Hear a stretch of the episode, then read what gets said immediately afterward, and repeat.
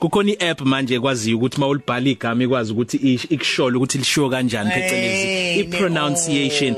Ukhali you cheese 21 minutes past 2 so wefru ayikho into esiyithatha kancane thina mhlambe ekungenzeka ukuthi asikho kulento ye project management noma yama event Yeah. njengokuhlela kusanesikhathi. Yes. Ukhona nje wayengitshela ukuthi ukuhlela kweDurban July eh, kwango 2020 qala ngosuku lokuqala emva kweDurban July 2019 yeah so mayiphela manje kuqala futhi ukuhlelwa kusasa for unyaka ozayo. Yeah, kukhona futhi ukuhlela okubalekile ngenxa yokuthi kubandakanya abanye abantu okusuke kuyibona mhlambe ab- ababa yindikimba yaloyo naloyo mculi mcimbi sorry okungaba ama models labantu okusuke kuukuthi mhlambe uma kwama fashion shows ibona okumele bahleleke babe sesimeni ngoba bazomodela. Yeah. la kubhekwa ekutheni ke sikhetha kanjani? Ukuthi ubani ozongena yini efunakalayo eh, uma engangenanga singamlekelela kanjani ukuthi angene ngokuzayo phecelezi. Ingakho ke namhlanje njengoba kulesine sinot swenka Yes, sisinkuni sihambile sakhe futhi nahamba naso sindisiwe shanga sophuma business support and unit. Khona la kumasipala weTheku darling sanibonani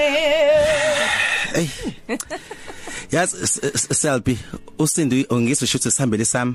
Eh. Why manje sentshutsho wena phela ila ekhaya kwami oh. Bengifuna ukuthi khona ezoba comfortable. Ayike qhubeke mina introduce ke Selby hayi dim my lights. Dim my darling. Mlaleli uh the queen of radio isikhulumile eh ukuthi sinesihambele sethu. And into engithandayo ukugcizelela lokho kusho siya ukuthi izinto masikhuluma ngazo asikhulumi ngazo sizikhe phezulu silenda ama experts akhona. Sikhulumile ngama fashion weeks. Yeah. last week but kusasho cha ngeke. Yabo uma uma kuziwa kule idinga abantu bakhona idinga bona omashuku laba asebene experience sabona Cindy from ADFF Durban Fashion Fair siyakwamukela ku Khosi FM 12 to 3 cafe. Thank you. Ngiyabonga kakhulu senginamahloni ngenxa ka selfie. Ngibale ngablasha ngane. Ngiyaqalisa. Ngiyabonga kakhulu ukuthi ningi- ningibize ekutheni sizohlala namhlanje ndawonye. Mm siyabonga sisini nathi ukuthi uthathe isikhathi. And yasisini la sizo sizo sizogcujisa kahle hle abalaleli bethu. We know ukuthi eh Durban Fashion Fair iyeza ku half wesibili wonyaka. But then again kade sikhuluma la earlier on ukuthi uma sibheka wonke ama fashion fairs nakuwo wonke ama fashion weeks ase South Africa sengathi iDFF iDurban Fashion Fest si- sibizo siDFF masinqamukela sengathi iyona le eqala emumva ibhekelele ukuthi hawu yazi uma ubheka la kweze kwe- kwe- kweze fashion kunama models kunama designers nana and then nina sindi bese niqale emumva eqaleni. Ukuthi niyabathatha labantu be raw nibacwijise na na na na and i understand ukuthi nge nge- weekend lesiyakuyona nizobe seniqala nibheka ama models ake siqale lapho mashuku nibhekani mina indaba ngeze ngikwazi ukumodela yini yini yini wrong gam Hayi khona into encane e e wrong ngawo.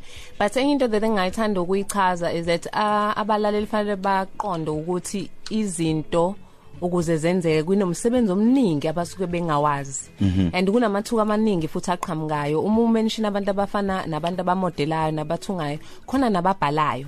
Khona nabathatha izithombe. You know kuningi kakhulu okwenzakalayo. So abantu bayakufanele bangabuki lokhu asikubona sekwi end product but babheke emuva ukuze ukuze bakwazi nabo ukuqonda nokuthi bathola amathuba nokuthi bafunde because okubalekile ukufunda ngaso sonke isikhathi.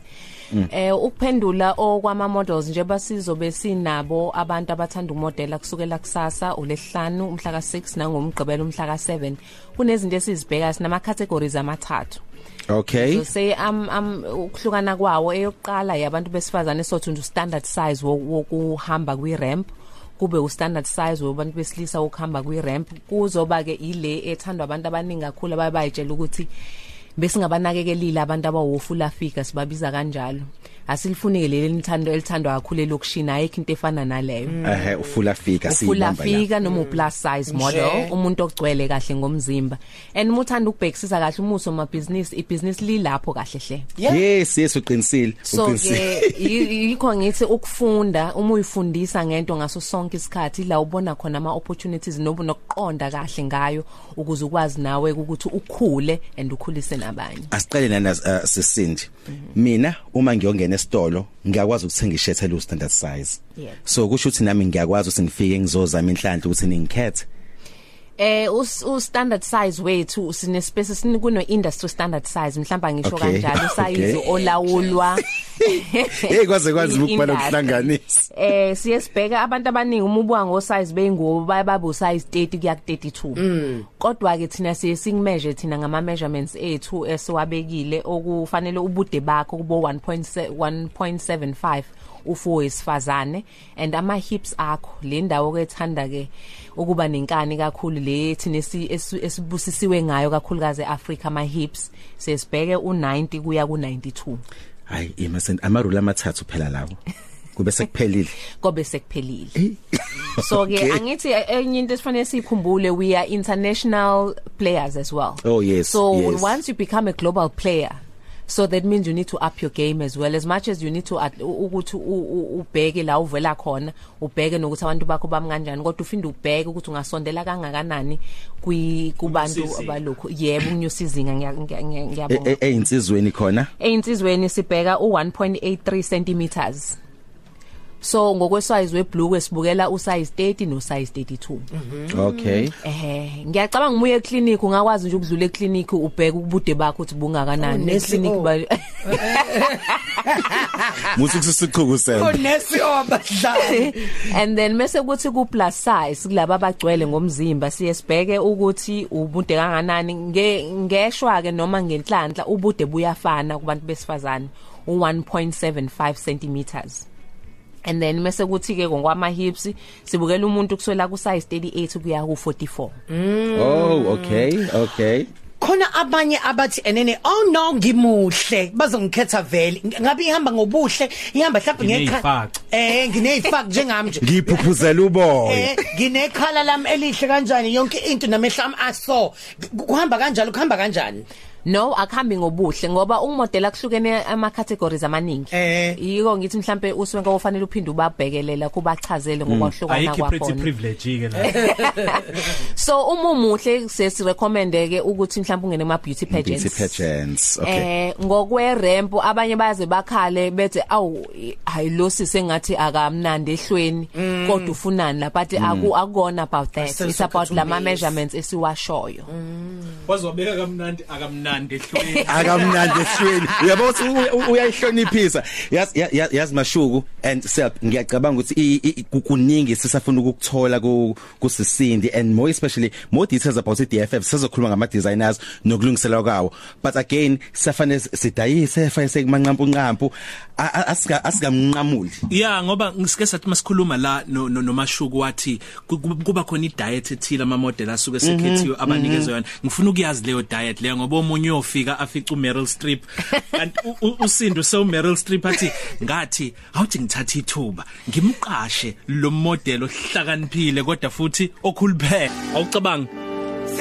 Umyeni wakhe eculela wena ingoma ekubhalela emshadweni ingoma ayirelease kube iyona e- eyidlula zonke njengamanje eAfrica wow I'm, I'm sure Selby angakhala ngakhala ngakhala kwanzimande ikwa love lives here njengamanje sazi kahle lokho njengamanje. Kulungileke thina ke singekho kwa love lives here asizame ilotho. Uyayibona leyo nto?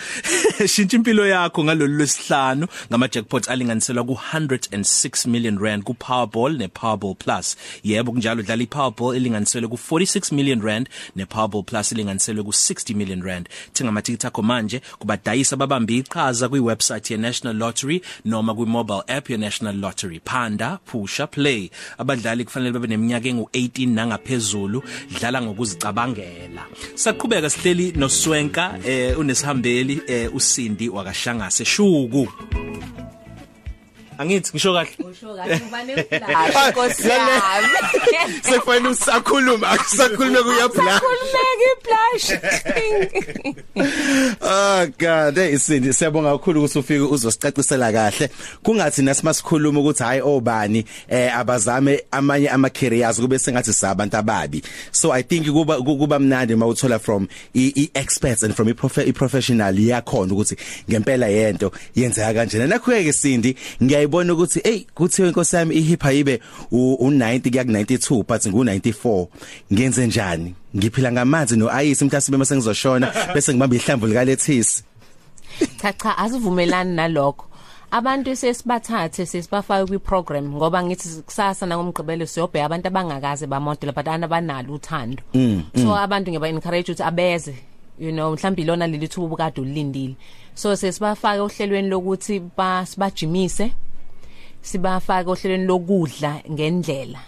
Ngoba ukudla uya ngokuthi ukudla kanjani uqala kutheni uprepare kanjani ngesikhathi ukulungiselela nokuthi ukudla kanjani ukudla ngasiphi isikhathi sosuku futhi ukuze umzimba wakho ukwazi ukuthi ukugaye kahle kuye indaweni ezifanele so so sindi aniba traineli ukuthi ba model ngo September kuphela but nibacijela kahle hle impilo zabo zonke. Because lento lo ifundisa lapha yana whether ukuwalka noma indlela yokudla into ongakwazi usuku apply empilweni yakho throughout i career yakho yonke. Yes into esiyenzayo ukuthi sibafake emgqeni alright ukuye kungena kwi-industry. And into engiyithanda mina personally ngeprogram nje busho ukuthi iyaqeqesha for i-career yakho noma ungasagcinanga khona kwi-fashion industry but kunezinto ekufundisa zona ukubuild i-confidence kakhulukazi kwi-youth nje uyibona at the moment ukuthi neyinkinga eziningi esibhekene nazo. so iye basize kutheni bakwazi ukufocusa bakwazi abayithanda ngempela ukuba kwi-industry baqhubeke na but abanye kweminye imkhakha futhi bayakwazi ukuthi baphinde bangene. Hayi cha uyakubeka kuyacaca kucaca kahle konke. But ke manje futhi Cindy i know ukuthi uh, over and above ama models kuzoba nesikhathi whereby senzobe senithi manje okay ama models sibhizi ngawo kodwa ke futhi DFF akusiyona ama well established designers. Niyakwazi ukuthi futhi nimthathe no self noma engafundanga um uh, formally kodwa mawukuthi uself unali ikhono lokuthi uyakwazi ukuthunga uyakwazi ukusika uyakwazi ukuhlanganisa eze nabe ne opportunity ukuthi atshengise ingqephu yakhe. Kwenzeka kanjani lokho? Kwenzeka nini? Eh siye sinjalo ngonyaka umuqala ngiyacabanga ukuthi kothi kuphela lenyanga abalaleli bayobe sebazi ukuthi siye sibiza ama designers anothando asemancane kakhulukazi. Siwafake kwi program nakhona. Thina siwe siya about ukudevelopa nokunikeza abantu izinto abazozidinga ukuthi balungiselele iDFF kanye neindustry as a whole because it's not about ievent kuphela but it's about ukuthi sakhe also mabhizinisi nabantu abanolwazi olugcwele ngeindustry. So ke siye sibe ne program ethi mentorship program engaphandle kwe DFF but ekuyiyona ecijisa osomabhizinisi abakuona lomkhakha abakwazi ukuthunga nabathandayo nabakwazi ukusika nje badusha Ngicabanga ukuthi balekile le ngoba yabo ikakhulukazi mako DFF ukhona mhlawumbe omunye osika ingcepho ngathi hawu siyazi vele kufakwa abantu boswenka nosindi into zabo. Ukuthi ngempela ngempela kusuka la kuhlale la kuye la. Umuntu angaboni ngenxa yokuthi sekukhona ikhangiso mhlawumbe ama poster eThekwini segcwele sewuxhaxa kuyima uma efika ezwe sekuthiwa sekuvaliwe. Iqala manje noma isivele siqalile kubalekile ukuthi bonke abama designers bakwazi lokho. Yebo siya thina ngokwethu saqala ngonyaka odlule ukuplana. Yabona but ke um abantu abanothando ngiyacanga ukuthi umhla 15 March noma ngaka confirm kahle ne team yami la sokhipha khona i theme ka 2020 mase sivulela abantu ukuthi bakwazi ukufaka izicelo ukuthi bazo showcase so for isibonelo last year sathola ama applications awu 250 and sagcina ku showcase abantu abawu 65 shucks! So kunohlelo kune team akuhlala usindi noswenka beyiphuzela itiye mhlambe nezinye iphuze ezimnandi kodwa kune team ehlalayo sisihlunge sibheke izicelo ukuthi nokuthi kuphi mhlawumbe la singakusiza kona ukuze ukwazi ufika kuyona iDFF so kuuhlelo olufana nalo ngiyazi ukuthi abantu bayababona sekune event but kuthatha izinyanga nezinyanga ukuthi sihlelele khona. Bakhona nje abanye abantu sindi mhlasimpe esingaba esingababheka noma sibacheck ongasho ukuthi uyabona nje unoyibani bani waqala kuthina unoyibani bani nje basenimbona ese showcase ingqephu yakhe endaweni ukuthi unoyibani bani nje manimbona sinimbona kuma billboards abani waqala ku DFF zikhona nje mhlawumbe abantu esingaba esingabhekela kubona esingathi bayema success stories mhlawumbe e DFF Hey yabona nje befana ukuthi angiphathe nesiphuzo ne picnic bag nakho konke. Eh ngicabanga ukuthi umkhandlu weTheku unakho ukuziqhenya ngomsebenzi osuwenzile over the 9 years unyaka wethu wesi9 lo. Ngicanti ngizulu ishumi neshaka lombili no isishaka lolunye. Hey fanele ngibuyele ogwini inkosi yami ngolanda imali yami. But kunabantu esisuke nabo njengabantu abafana nomita en umuzi mlambo from enanda sisuke nabo besaqala besafufusa sabafaka ohleleni namhlanje sebayaziyo bazona ngomshado wodumo. Ngathi wa nami sekuthiwa hayi bona nka ama designer akho ngoba ke kushiwo njalo eThekwini kuthiwa ama designer ami ama designers eTheku lawo esifanele siqhenye ngawo. Khona abantu abafana nozama matho wezath osaziwa kakhulu nangaphandle kwaseThekwini oseqhubisa abantu abaningi naphesheya. Khona abantu abafana nomxo Mkhize of House of St Luke. Hey ilist inde kakhulu. Khona abantu abafana nokwenza inkomo khona abantu abafana nozama Gumede bo Xavier baningi kakhulu abantu esesebenzisane nabo. Sibathuthukisa sibafaka einhlelweni ezahlukahlukene. Siphinde sibasize ekutheni bakwazi ukuthi ba formalize ama business abo ngoba phela akusizi nje ukwenza into for fun. Kufanele sibe sikhumbule ukuthi fanele siphile. Njengoba nami ngisetohweni nabo fanele basebenze. Eh yazi siyabonga kakhulu sisinde ukuthi usicacisele kahle nanokuthi em asingaboni sesicabanga ukuthi se oswenka sebehleli ko front row no selfie sebebhale o4 kube sengathi ilokho kuphela. Kahle hlela na amakhona abantu ama careers abantu ikusasa lomsoma business ithizeni so siyabonga kakhulu ukuthi usicacisele ngakho konke lokho and ngiyakholwa ukuthi um abalaleli bethu nabazolokho ebuya nesey'inkundleni zokuxhumana beyobheka ukuthi hawu sekwenzakalani manje sesibizelwane. Babheke futhi nakhona einkundleni einkundleni zokuxhumana zamasipala wethu ukubona ukuthi kwenzakalani. Yebo ngaba ngiyabanxusa ukuthi benze njalo. Ku Facebook iDurban Fashion Fair ikhona uzothola imininingwano ungasithumelela nomyalezo usibuze ku Twitter iDurban Fashion_fair kanye no Instagram Sibonga kakhulu Sindi ukuba khona kwakho ube nolwazi oluningi olulethile. Swenka usiphe na yakhe imininingwane. Ngakutholakala einkundleni zokuxhumana Instagram uswenka Twitter uswenka kanjalo futhi na ku Facebook uswenka ngiyabonga kakhulu Bye. Past 3 Cafe. Ukhosi FM.